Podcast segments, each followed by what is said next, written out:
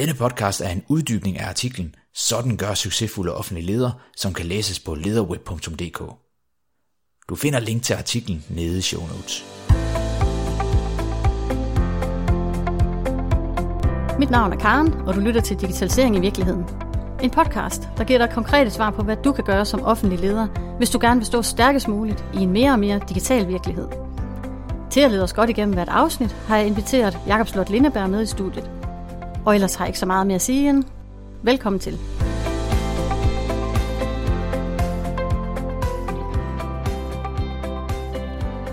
Jamen Karen, så er vi nået til det sidste afsnit af den her øh, serie, og ligesom i alle andre afsnit, kan du så ikke lige komme ind på, hvad vi, øh, hvad vi kan forvente os af, af det her afsnit? Jo, det her sidste afsnit, det handler om, hvad det er, du skal gøre, når din digitale løsning er sat i drift. Fordi din ledelsesopgave, den slutter desværre ikke her. Nå, nå. Ja. Jo, tænkte Øv, du så. øv. Ja. Jo, nemlig. Det er her, hvor, hvor nogen godt kan, kan føle, at det bliver øh, en lille smule kedeligt, fordi ah, nu var jeg lige kommet i mål med det her. Men øh, der er heldigvis øh, hjælp, hjælp at hente der, fordi at øh, du skal jo, du er nødt til løbende at have fokus på, på den her løsning. Og du er simpelthen også nødt til at sætte øh, både tid og ressourcer af til drift af den her digitale løsning, du nu har fået. Og øh, med drift, der mener jeg altså ikke den her tekniske drift, fordi det gætter jeg på, at du har en IT-afdeling eller en leverandør, som sørger for. Men den organisatoriske drift af løsningen skal du interessere dig for som leder. Du skal simpelthen holde øje med, at øh, løsningen fortsat lever op til, til det, I forventer. Og øh, det kan være en rigtig god idé at udpege en medarbejder, som har særlig blik for, øh, for løsningen. Mm. Øh, lad os nu sige, at det var RPA, I har indført, I har automatiseret en proces. Jamen, så skal du have en medarbejder, som holder øje med, at den her robot udfører sit arbejde korrekt. Og øh, din rolle i forhold til som leder i forhold til en løsning, der kører i din afdeling, det er det, som man mange steder kalder øh, en, øh, en systemejer. Det er, det er dig, der ejer løsningen, også selvom det ikke er dig, der har finansieret den. Fordi det kan jo godt være, at det er kommet fra en øh, central digitaliseringspulje, eller at IT-afdelingen har betalt for udviklingen af robotten, hvis vi bliver i det eksempel. Men da det jo er dine processer, som er digitaliseret, så er det også dig, der ejer systemet. Det vil sige, at du har jo ansvaret for, at løsningen lever op til jeres øh, krav. Mm. Og du har ansvaret for, at medarbejderne kan anvende løsningen. Og du har også ansvaret for, at de anvender data korrekt og i overensstemmelse med den her GDPR-lovgivning, som mm. vil være de fleste lytter bekendt. Ja. Og, øh, ja. og det sidste, det kan du så få, få hjælp til af din organisations DPO, som alle offentlige organisationer skal have. Jeg sætter lige Karen på pause her, fordi jeg aner ikke, hvad en DPO er, og jeg synes, det kræver lidt forklaring, før vi lige fortsætter. DPO står for Data Protection Officer, oversat til dansk, en databeskyttelsesrådgiver. Og den udvalgte databeskyttelsesrådgiver har til opgave at rådgive og hjælpe organisationen med at efterleve de databeskyttelsesretlige regler. Nå, lad os så komme tilbage til Karen igen. Så som systemejer, der påtager du dig det ledelsesmæssige ansvar for den løsning, I har fået indført. Og, og bare roligt, det gælder jo ikke nødvendigvis for de systemer, der kommer oppefra og udefra, altså kommunens og regionens centrale IT-systemer eller fællesoffentlige systemer. Men hvis nu du har leget med at eksperimentere med at indføre nogle digitale løsninger i din egen afdeling, det kan være RPA, apps, eller for den sags skyld kan det også bare være en database, som er relevant for jeres opgaver – jamen så er det altså dit ansvar som leder, at der bliver fuldt op på løsningen løbende. Så du skal simpelthen sætte tid af til det, og du skal udpege en medarbejder, som kærer sig særligt om den her løsning. Fordi vi skal have den her menneskelige indblanding, ellers er en digital løsning ingenting i sig selv. Og øh, du skal også som leder sørge for, at øh, aftalen med leverandøren for eksempel bliver journaliseret.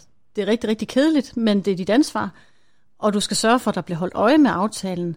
Hvornår udløber den? er der ting i aftalen, som ikke er leveret endnu, og som I derfor skal i dialog med leverandøren om at få udviklet. Og jeg siger jo ikke, at det er dig, der som leder skal sidde og nærlæse kontrakter og aftaler osv., men jeg siger, at det er dit ansvar, at det sker. Og så må du jo gerne uddelegere det, selvfølgelig. Mm. Nøgleord har jeg hørt, det er, det er ejerskab. Ja, helt sikkert. Men kan du komme med nogle gode råd til, hvordan man kan gøre opfølging til en, til en rutine? Ja, det behøver ikke at, at være raketvidenskab og gøre det til en rutine. Du kunne gøre det, at du sætter en opgave i din øh, kalender en gang i kvartalet, for eksempel, hvor du minder dig selv om lige at få kigget på de her aftaler eller kontrakter, I måtte have, eller mm. lige sørge for at følge op med den medarbejder, som har ansvaret for det. Og øh, du kan også sætte i din kalender, at du løbende får holdt møder med dem, der har udviklet løsningen, hvad enten det er, det er en ekstern leverandør, eller det er nogle udviklere fra jeres øh, IT-organisation. Så der er også et element af leverandørstyring i opgaven. Øh, og øh, og der, øh, det kan jo godt være, at det er en lidt uvandt opgave for dig, der er decentral leder for eksempel på en institution eller lignende. Og, øh, og jeg synes heller ikke, du skal stå alene med en opgave som at styre en, øh, en ekstern øh, IT-leverandør. Altså der synes jeg simpelthen, du skal insistere på at få hjælp af af din IT-afdeling, øh, hvis det drejer sig om en ekstern leverandør. Det, det skal du ikke sidde alene med. Mm. Og nu kommer et af de her spørgsmål, som øh, man, man godt kender vigtigheden af. Men det er altid godt lige at få på plads. Hvorfor skal jeg følge op? Ja, hvorfor skal du følge op? Jamen igen, du skal interessere dig for løsningen, også efter den er gået i drift. Ellers mm. så risikerer du ikke, at du får det optimale ud af løsningen, og så er investeringen jo spildt, kan man sige. Ikke? Så øh, du skal også øh, følge op på den for at sikre øh, videreudvikling af løsningen. Og det er jo bare sådan, at udvikling, det er ongoing business. Det stopper ikke. Så øh, du kan jo betragte den her nye digitale løsning som en øh, medarbejder. Når du får en ny medarbejder i dit øh, team, jamen så interesserer du dig som leder for vedkommende, både i starten, men forhåbentlig også øh, løbende du holder mus-samtaler, og du er optaget af medarbejderens udvikling og performance i, i det hele taget. Og den samme opmærksomhed, den skal du give din digitale løsning. Måske ikke helt så meget som dine medarbejdere. Jeg er jo meget inde på, at, øh, at det er mennesker først. Mm. Men øh, et eksempel er, at jeg kender faktisk øh, til ledere, som har indført det, de kalder RUS-samtaler, i stedet for mus-samtaler. Og RUS, det står så for robotudviklingssamtaler. Okay. Ja, det lyder rimelig flippet og science fiction-agtigt. Ja. Men det handler egentlig bare om, at man lige stopper op en gang imellem og stiller spørgsmål til, hvordan klarer robotten sig egentlig? Hvordan er dens performance? Er det stadig relevant? Og hvordan kan vi udvikle den, så, den, så det bliver endnu bedre, for eksempel? Ja, så man sikrer en høj robot tilfredshed. Ja, ja. ja, man kan simpelthen måle på. Ja, og ja. de er jo meget taknemmelige medarbejdere, fordi de performer 24-7. Ja, og de brokker sig ikke ret meget. Overhovedet ikke. Nej. Så super medarbejdere at få ind. Ja, præcis. ja. Så, øh, men en anden, en anden ting, du skal følge op på øh, i din ledelsesopgave, det er, at du følger op på den forandring, som løsningen har været årsag til. Altså, hvordan takler dine medarbejdere egentlig øh, den forandring? Kan de finde ud af at anvende løsningen? Og anvender de den korrekt, så I får, så I får den værdi ud af, ud af løsningen, som I, som I gerne vil have. Og det skal du som leder løbende interessere dig for. Det er jo øh, set før, at øh, medarbejdere måske i starten synes, at noget er vældig godt og spændende, men langsomt så øh, falder man tilbage i de gamle rutiner og arbejdsgange. Mm. Og der skal du som leder fortsat motivere dine medarbejdere til at arbejde på den her nye måde, som I nu har aftalt. Så det er desværre, Jakob, det lange, kedelige sejtræk, ja. i det her. Ja, men ja. det må vi jo tage. Det, det må, må vi, vi tage med. med. Ja. Præcis. Og det bliver jo ofte undervurderet, hvor svært det egentlig er at aflære tidligere adfærd. Ikke? Også fordi mm. vi, er jo, vi er jo mennesker. Jeg ved ikke, om kender du den her norske sketch fra YouTube? En gammel klip? Ikke bare lige udefra, når du siger norsk sketch. Nej, det er ja. norsk sketch. Ja, det, kender du den norske sketch? Nej, men uh, der er en norsk sketch, der viser en munk, munken Ansgar.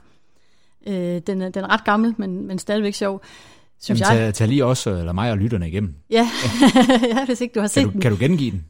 Ja, jeg kan godt så lige gøre kortet træk gengive den, men jeg synes, I skal gå ind og, og se den. Mm. Øh, bare søg på uh, Norsk Helpdesk eller sådan et eller andet, så kommer frem. Nej, men det er, han kortet træk handler det om Ansgar, der har fået en bog, og han er vant til at bruge en skriftrulle. Og han kan ikke finde ud af at åbne bogen. Så han ringer til support, og så kommer support Øh, og så sidder en skar der og frustreret over, at han kan ikke finde ud af at åbne den, fordi det var meget nemmere med skriftrullen. Mm. Og det er, ja, den, er vel, den er vældig sjov og stadigvæk relevant, selvom den er måske 20-25 år gammel, jeg ved det ikke. Men øh, pointen er jo, at igen er det vigtigt at slå fast, at du jo kun får gevinst af din digitale løsning, hvis du virkelig arbejder med at ændre medarbejdernes adfærd. Mm. Og det, det er jo også meget det, jeg talte om i afsnit 3, hvis ikke du har fået hørt det med, med forandringsledelsen Jeg har et billede, jeg også nogle gange giver, når jeg underviser. Det er, at øh, du skal prøve at forestille dig, at du øh, har fået et øh, splinter nyt køkken, som simpelthen er proppet med alle mulige lækre detaljer og elektronik, og jeg skal komme efter dig. Der er en øh, kuger, der er en øh, stemmestyret ovn. Og, så du kuger eller kuger? Ja, så kuger. Nå, kuger. En okay, kuger, godt. Jamen, bare lige så det er ikke nogen det, Der skal ikke være nogen misforståelse nej, der. Nej. Det er sådan en vandhand, hvor der kommer kogende vand ud af. Nå, sådan en. Ja, jeg ved, det har jo ikke noget dansk ord, det er jo forfærdeligt. Det må vi finde ud af. Øh, der er sådan en, en dims, og øh, der er stemmestyret ovn, der kan fortælle dig, hvornår din steg er færdig, og der er køleskab, der sender besked om, når der er noget, der mangler. Alt muligt, alt det der. Mm. Men Jacob, hvis jeg så spørger dig, bliver du en bedre kok af at arbejde i dit nye køkken? Nej. Nej, det gør du ikke. Fordi du jo, i, i starten bliver du måske faktisk en lille smule irriteret over det her. Jamen, jeg vil brænde mig på den der kukker. Præcis, ja. ikke også? Ja. Der er store problemer med den, fordi det, det, det er du ikke vant til. Så, og måske er du også vant til, at øh, dine krydderier, de plejer at stå i sådan en rodet kasse på køkkenbordet, så dem kan du lige hurtigt få fat i. Nu er de lagt ned i alfabetisk orden i en skuffe, fordi det skal være rigtig, rigtig fint. Øh, men øh, det, det gør dig faktisk lidt irriteret, at du ikke kan finde dine krydderier. Mm. Så hvis du nu skal blive bedre til at lave mad i det her køkken, jamen så kræver det jo, at du vender dig til, at nu skal du altså finde krydderierne nede i skuffen. Øh, og, det, og det bliver jo smart, når du har vendet dig til det, men i starten er det altså lidt besværligt. Øh, du kan også godt blive hurtigere til at lave mad, når du forstår at anvende den her kuger, hvor det kogende vand kommer ud, før du bruger din elkedel. Og, øhm, og igen også, når du, når du anvender de her smarte teknologier, som er i dit køleskab og, og i din ovn. Så pointen er her, at du altså først får din gevinst af din øh, investering i digitalisering, når du har arbejdet med forandringer og med adfærdsændringer af dine øh, medarbejdere. Mm.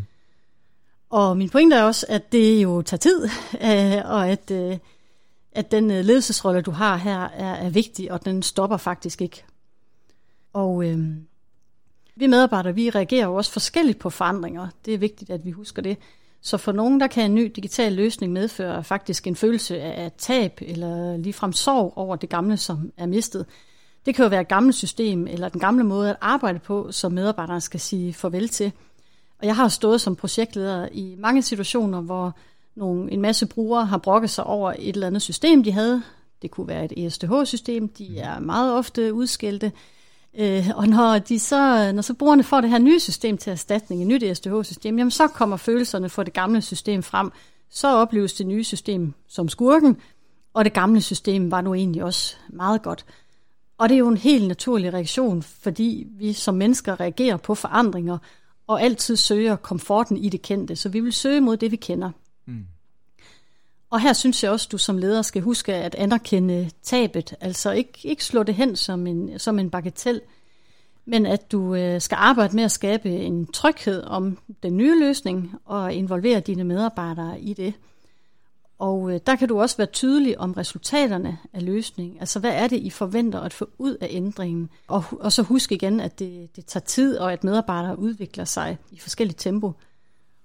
Og der kan det ofte er der, kan der være en eller anden synkroni, nej, undskyld, en asynkronitet imellem den ydre forandring, altså det vi kan se, de forandringer vi kan se, og så den indre forandring, det der føles af den enkelte medarbejder. Og den asynkronitet skal du tage højde for som, øh, som leder. Mm.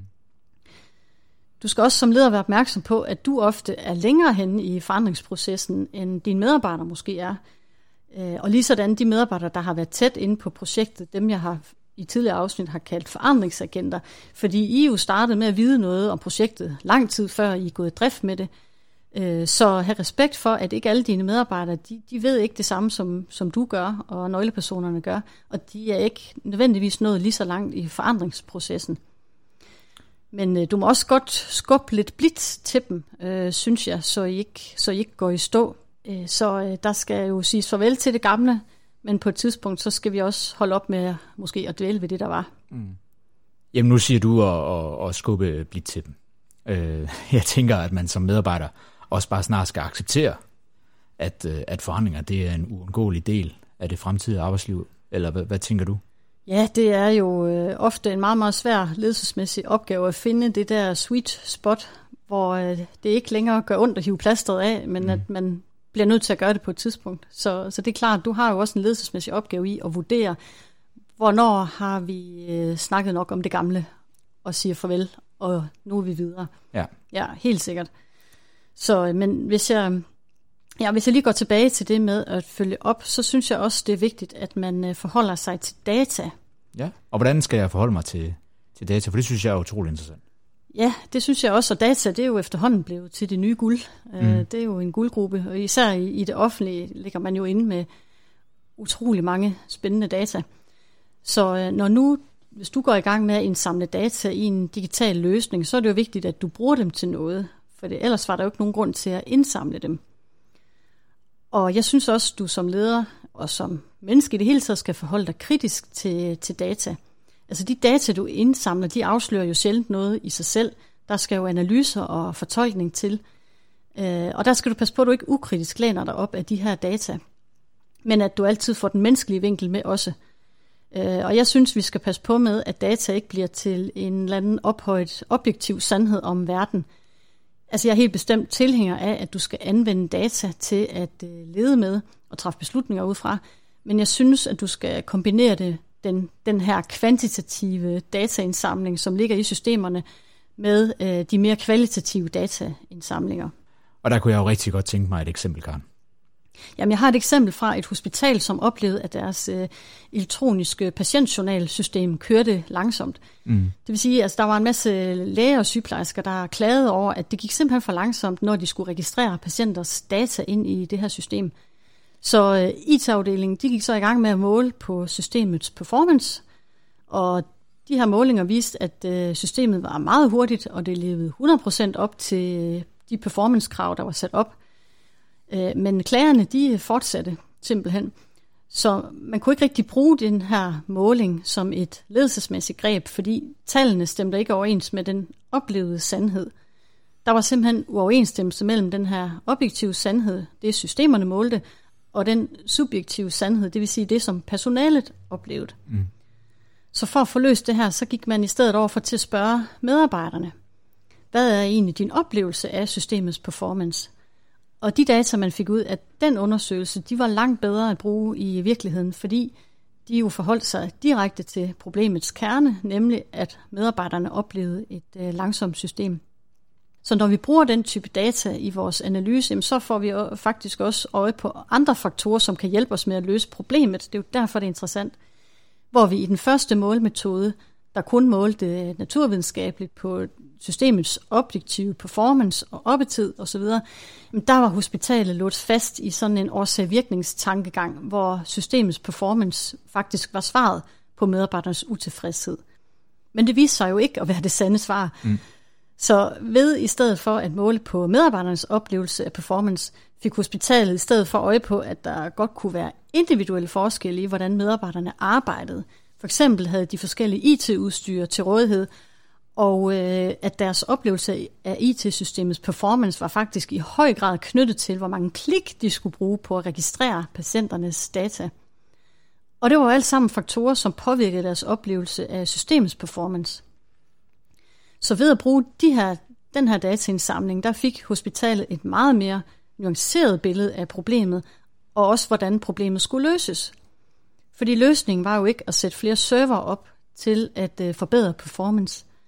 Ej, det var at justere på medarbejdernes måde at registrere data på. Og sammen med leverandøren fik de også justeret i øh, softwaren, altså i programmellet, så der ikke skulle så mange klik til at dokumentere og understøtte de her arbejdsgange, som blev udført ofte. Øh, og så var det faktisk også at se på de fysiske forhold for personalet. Fordi hvis der står en kollega og venter utålmodigt på, at du skal blive færdig med at registrere ved den her fælles computer, jamen så stiger din egen utålmodighed også med systemet, og du skælder ud over, at, øh, at det er langsomt. Så øh, man kan sige her, øh, at det, jeg egentlig prøver at argumentere mig frem til, det er, at øh, det er det, man kalder thick data, altså tykke data. Ja. så, dejligt, dejligt bare direkte oversat. Lige præcis, vi, vi oversætter direkte her. Ja. Så uh, i modsætning til big data, som jo også er et varmt emne inden for digitalisering, hvor altså big data, det er jo alle de data, vi kan fange via de digitale systemer. Uh, og det er data, som er kvantificerbare, målbare, objektivt målbare og standardiserede. Og det er jo helt evident, at vi skal bruge de her big data til at fortolke mønstre, for eksempel om vores borgere. Men jeg mener, at vi skal huske at tilføje de her tykke data, hvor vi får tilføjet kontekster og fortolkninger og fortællinger, så vi supplerer den her objektive viden med subjektiv viden. I, I et af de tidligere afsnit, der var jeg inde på den her metode med service design og brugerrejser. Og det er faktisk et godt eksempel på de her tykke data, at, øh, at det er en metode til at indsamle viden om borgerne ud fra nogle subjektive brugerrejser og det, der hedder personas. Og at man så bruger det her til at designe sine processer og kerneopgaver. Og det synes jeg jo så godt, man kan kombinere med big data. Altså for eksempel, hvor mange borgere har vi, som er i kontakt med den pågældende kerneopgave eller service. Øh, hvor ofte er de i kontakt? Er det noget, der sker én gang i deres liv, eller har vi mange borgere, som ofte er i kontakt med vores service? Så på den måde, der får vi, mener jeg, et rigere billede af de borgere, vi servicerer, når vi kombinerer big data med tykke data.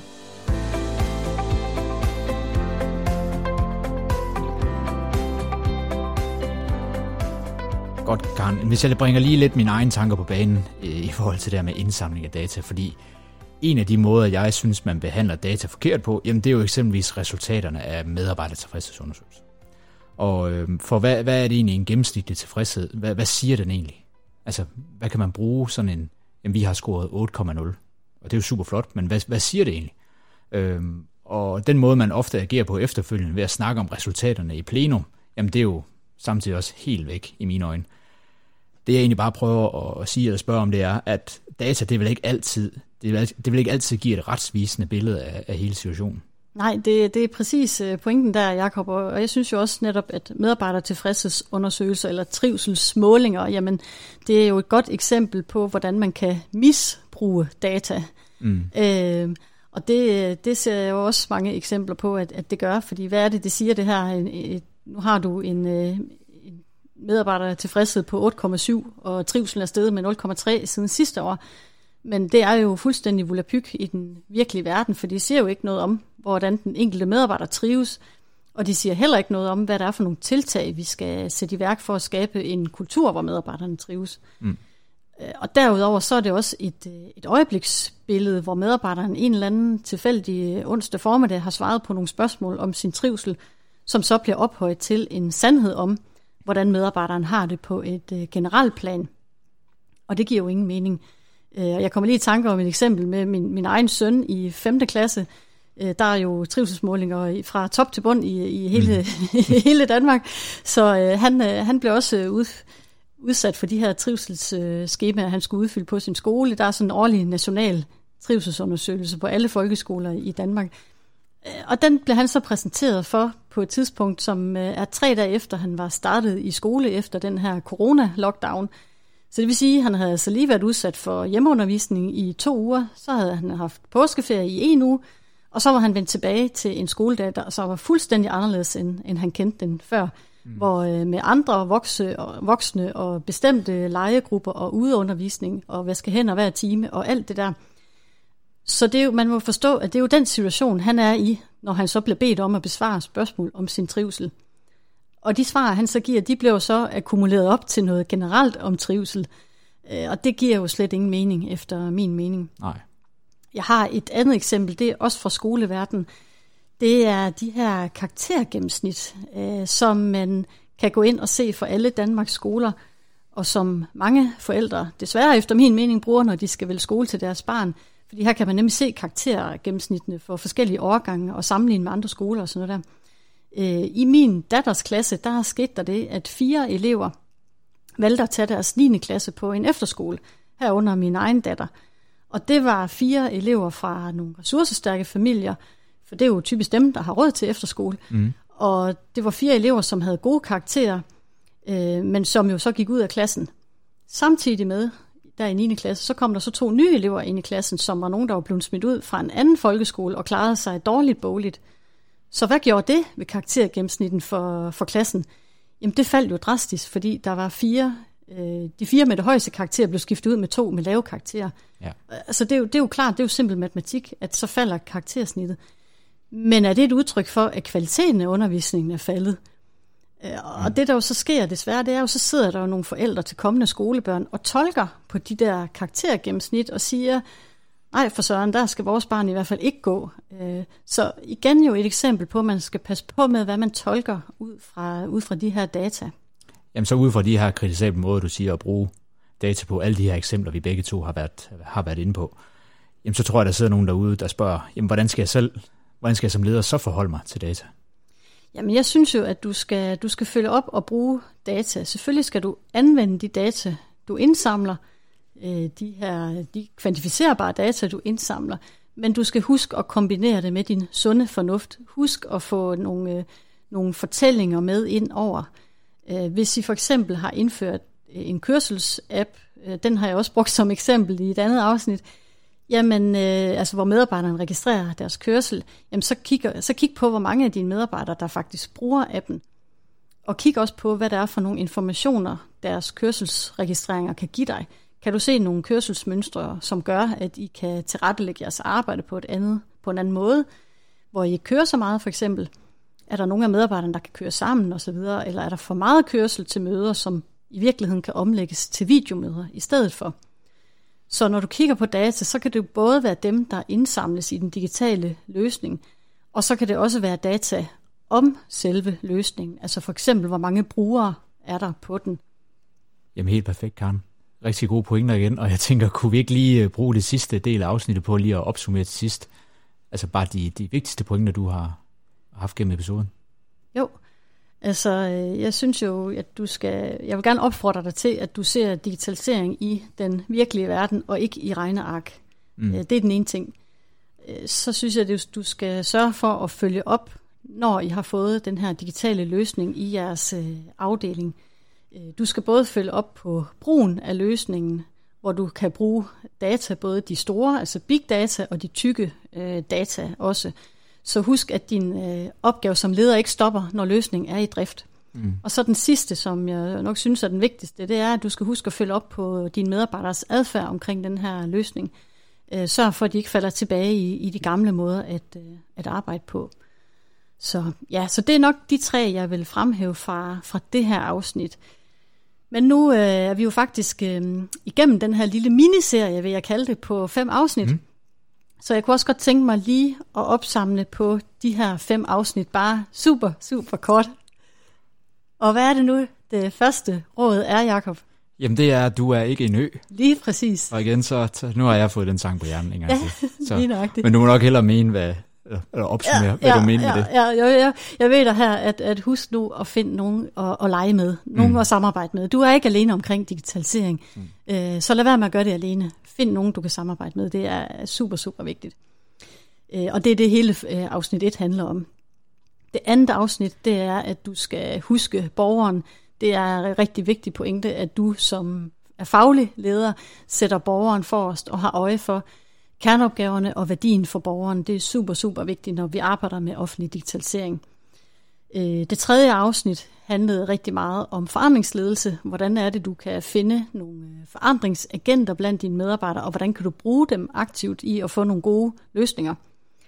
Øh, det fjerde afsnit, der var pointen, at du skal finde mod til at prøve af. Der taler jeg meget ind i det agile, at du kan blive inspireret af agile måder at, at lede på, og at øh, du kan arbejde med at eksperimentere med digitalisering. Og så er der her det sidste, øh, det sidste afsnit, hvor vi har talt om, at du kan bruge data til at følge op på, og hvordan du kan gøre det. Perfekt. Jamen Karen, det har været en stor fornøjelse at være med i de her fem afsnit, og stå og lytte til alle dine guldkorn og pointer. Det har virkelig været, øh, det har virkelig været inspirerende. Og hvis man nu har lyst til at, at, at vide meget mere omkring øh, digitalisering, og bare har lyst til at tage fat i dig, hvor er det så, man skal gå hen? Ja, og, og selv tak, Jakob. Det har været også en fornøjelse her. Øh, jamen, øh, du er som lytter meget, meget velkommen til at sende øh, forslag til emner ind til digitalisering. Altså hvis der er noget, du gerne vil have belyst i min podcast, et emne, som du synes, jeg skal, jeg skal tage op, eller hvis du har nogle spørgsmål i øvrigt til, til nogle af de her fem afsnit, jeg har lavet indtil videre, mm. jamen øh, så er du meget velkommen til at sende en mail til mig til kmj polskonsult.dk. Du må også meget gerne øh, finde mig på LinkedIn. Karen Melcher Jensen er det fulde navn, og så connecte med mig der, eller skrive til mig derinde.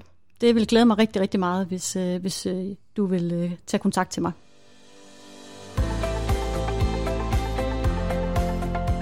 Tak fordi du lyttede med. Hvis du vil vide mere om digitalisering i virkeligheden, kan du gå ind på min hjemmeside, polskonsult.dk, eller du kan melde dig ind i den lukkede Facebook-gruppe, der hedder Digitalisering i virkeligheden.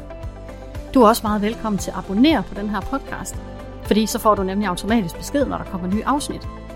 Og så vil det selvfølgelig glæde mig utrolig meget, hvis du vil lægge en anmeldelse i den podcast-app, som du bruger. Til sidst vil jeg bare sige, at jeg håber, vi lyttes ved, og have nu en fantastisk dag.